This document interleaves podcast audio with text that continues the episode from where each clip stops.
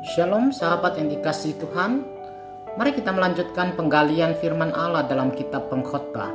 Kiranya pesan Allah yang kita temukan akan menuntun kita untuk menjalani hidup yang tidak sia-sia. Tema kita hari ini adalah pengadilan tanpa keadilan. Hari ini kita akan membahas ayat 16 dan 17 dari pengkhotbah pasal 3 tapi kita akan membaca Alkitab kita mulai dari ayat yang ke-14. Kita mendengarkan firman Tuhan. Aku tahu bahwa segala sesuatu yang dilakukan Allah akan tetap ada untuk selamanya. Itu tak dapat ditambah dan tak dapat dikurangi. Allah berbuat demikian supaya manusia takut akan Dia. Yang sekarang ada, dulu sudah ada dan yang akan ada sudah lama ada, dan Allah mencari yang sudah lalu. Ada lagi yang kulihat di bawah matahari, di tempat pengadilan, di situ pun terdapat ketidakadilan, dan di tempat keadilan, di situ pun terdapat ketidakadilan. Berkatalah aku dalam hati, Allah akan mengadili baik orang yang benar maupun yang tidak adil, karena untuk segala hal dan segala pekerjaan ada waktunya. Pada ayat yang ke-16, kita membaca satu lagi fakta hidup yang dilihat di bawah matahari yang dicatat oleh Raja Salomo dalam kitab pengkhotbah ini, yaitu di tempat pengadilan, di situ pun terdapat ketidakadilan, dan di tempat keadilan, di situ pun terdapat ketidakadilan. Mengapa hal seperti ini bisa terjadi? Mengapa di pengadilan, tempat di mana keadilan seharusnya ditemukan, dibela, diperjuangkan, dan diputuskan, tapi justru sering kali tidak ditemukan keadilan? Jawabannya telah dicatat dalam ayat ke-14. Karena takut akan Tuhan telah disisihkan oleh mereka yang memegang kendali di pengadilan. Jika hakim tidak takut akan Tuhan, maka keputusan yang diambil akan berdasarkan untung rugi bagi dirinya sendiri. Jika jaksa tidak takut akan Tuhan, ia akan menuntut orang bersalah berdasarkan kepentingan, bukan keadilan. Pembela yang tidak takut akan Tuhan pun tidak akan membela yang benar, tapi membela yang bayar. Berita di Kompas.com pada hari Rabu 15 Januari 20 yang lalu ada seorang kakek rentah berusia 68 tahun bernama Samirin di Sumatera Utara difonis hukuman penjara selama 2 bulan 4 hari oleh pengadilan Simalungun. Samirin dihukum akibat terbukti bersalah memungut sisa getah pohon karet di perkebunan milik PT Bridgestone.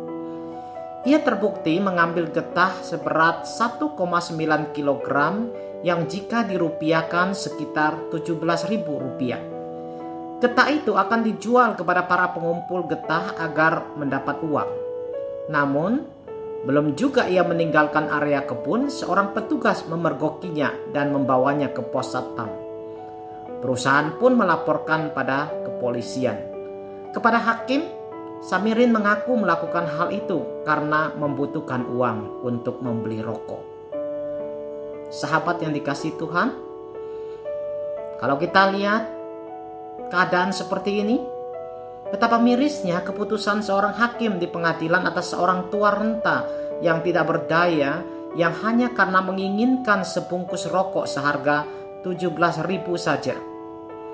Sementara ada koruptor yang bukan hanya mencuri uang negara 17 ribu, bukan 17 juta, bukan 17 miliar, tapi korupsi alias mencuri uang negara sampai 1,7 triliun lebih.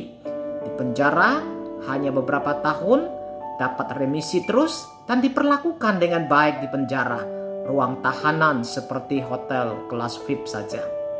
Mengerikan kalau di pengadilan tidak ada keadilan. Semua ketidakadilan ini hanya dapat terjadi karena adanya hakim, jaksa, dan pembela yang tidak takut akan Tuhan. Perhatikan apa yang selanjutnya dicatat dalam pengkhotbah di ayat yang ke-17. Berkatalah aku dalam hati, sahabat, Seperti pengkhotbah, kita pun sering kali harus mengelus dada dan terdiam seribu kata ketika melihat ketidakadilan yang terjadi di pengadilan. Suara dari orang-orang benar dan yang takut akan Tuhan sudah tidak lagi didengar. Teriakan mereka diabaikan seperti angin lalu. Kita hanya dapat berkata dalam hati seperti pengkhotbah. Kita seperti tidak berdaya, kita seperti telah kalah dan tidak dapat melawan ketidakadilan yang kita lihat di pengadilan. Seorang hakim dapat bertindak seperti wakil Allah karena wewenang yang begitu tinggi. Sepertinya mereka adalah penentu nasib manusia. Jika wewenang ini disalahgunakan, bukannya untuk melakukan kebaikan, tetapi untuk kepentingan sendiri, pastilah penghakimannya tidak benar dan tidak adil. Raja Salomo mungkin memahami semuanya ini berdasarkan apa yang dibacanya dalam kitab suci. Ketika Musa menulis kitab ulangan, dia sudah memberi peringatan yang jelas kepada para hakim di dalam ulangan pasal 16 ayat 18 sampai 20. Demikian bunyi firman Tuhan. Hakim-hakim dan petugas-petugas haruslah kau angkat di segala tempat yang diberikan Tuhan alamu kepadamu menurut suku-sukumu. Mereka harus menghakimi bangsa itu dengan pengadilan yang adil. Janganlah memutarbalikkan keadilan. Janganlah memandang bulu dan janganlah menerima suap. Sebab suap membuat buta mata orang-orang bijaksana dan memutarbalikkan perkataan orang-orang yang benar. Semata-mata keadilan itulah yang harus kau kejar supaya engkau hidup dan memiliki negeri yang diberikan kepadamu oleh Tuhan Alamu. Mungkin juga ia mendengar dan melihat langsung pada zamannya, baik di Israel maupun negeri di sekitarnya ada hakim-hakim yang tidak takut akan Tuhan dalam mengambil keputusan yang tidak adil. Dan semua ini adalah fakta yang terjadi dalam hidup sepanjang zaman di segala bangsa di bawah matahari dan hal seperti ini masih terus terjadi sampai hari ini. Di bawah matahari, sering kali dijumpai bahwa yang seharusnya membebaskan malah menjebloskan ke penjara dan menghukum yang tidak bersalah. Dari mulut hakim yang seharusnya memutuskan antara yang benar dan salah, yang diputuskan hanyalah ketidakbenaran dan ketidakadilan. Di pengadilan seharusnya paling bisa dijumpai keadilan, Justru orang-orang merasakan, menemukan, dan mengalami ketidakadilan demi ketidakadilan. Tapi tidak demikian di atas matahari, sahabat. Ayat yang ke-17 selanjutnya dicatat Allah akan mengadili baik orang yang benar maupun yang tidak adil. Karena untuk segala hal dan segala pekerjaan ada waktunya. Perhatikan dua hal yang diperingatkan di dalam bagian ayat ini. Yang pertama, Allah yang ada di atas matahari mengingatkan orang-orang yang hidup di bawah matahari bahwa Ia adalah hakim segala hakim. Ia akan menghakimi dan mengadili dengan adil. Orang yang benar akan dibenarkannya, orang yang tidak adil akan diadilinya, dan pasti akan dijatuhi hukuman. Tidak ada hakim di bawah matahari ini yang akan lolos dari penghakiman Allah yang maha tahu, maha adil, dan maha kuasa. Yang kedua, Allah di atas matahari mengingatkan setiap orang yang hidup di bawah matahari untuk sabar menanti keadilan sesuai dengan waktunya. Karena untuk segala hal dan segala pekerjaan ada waktunya. Kadang kita menjadi tidak sabar dan marah. Mari, seperti pengkhotbah, kita berkata di dalam hati kita, jangan sampai dari mulut saya keluar kutuk dan sumpah serapa. Mari katakan saja Allah Maha Tahu, tunggu saja waktunya. Sebab untuk segala hal dan segala pekerjaan ada waktunya. Saya teringat pada waktu saya kecil, sering kali ketika mendapat perlakuan yang tidak adil, mama saya selalu berkata, langit ada matanya, bumi juga ada matanya. Ada waktunya dan ada masanya. suatu hari nanti.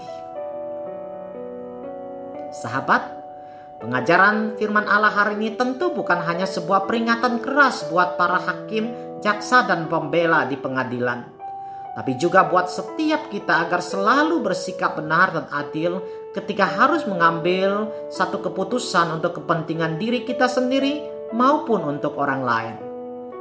Ketika anak-anak kita bermasalah, adakah sebagai orang tua kita mengambil keputusan yang adil dan tidak pilih kasih? Ketika menjadi atasan atau pimpinan,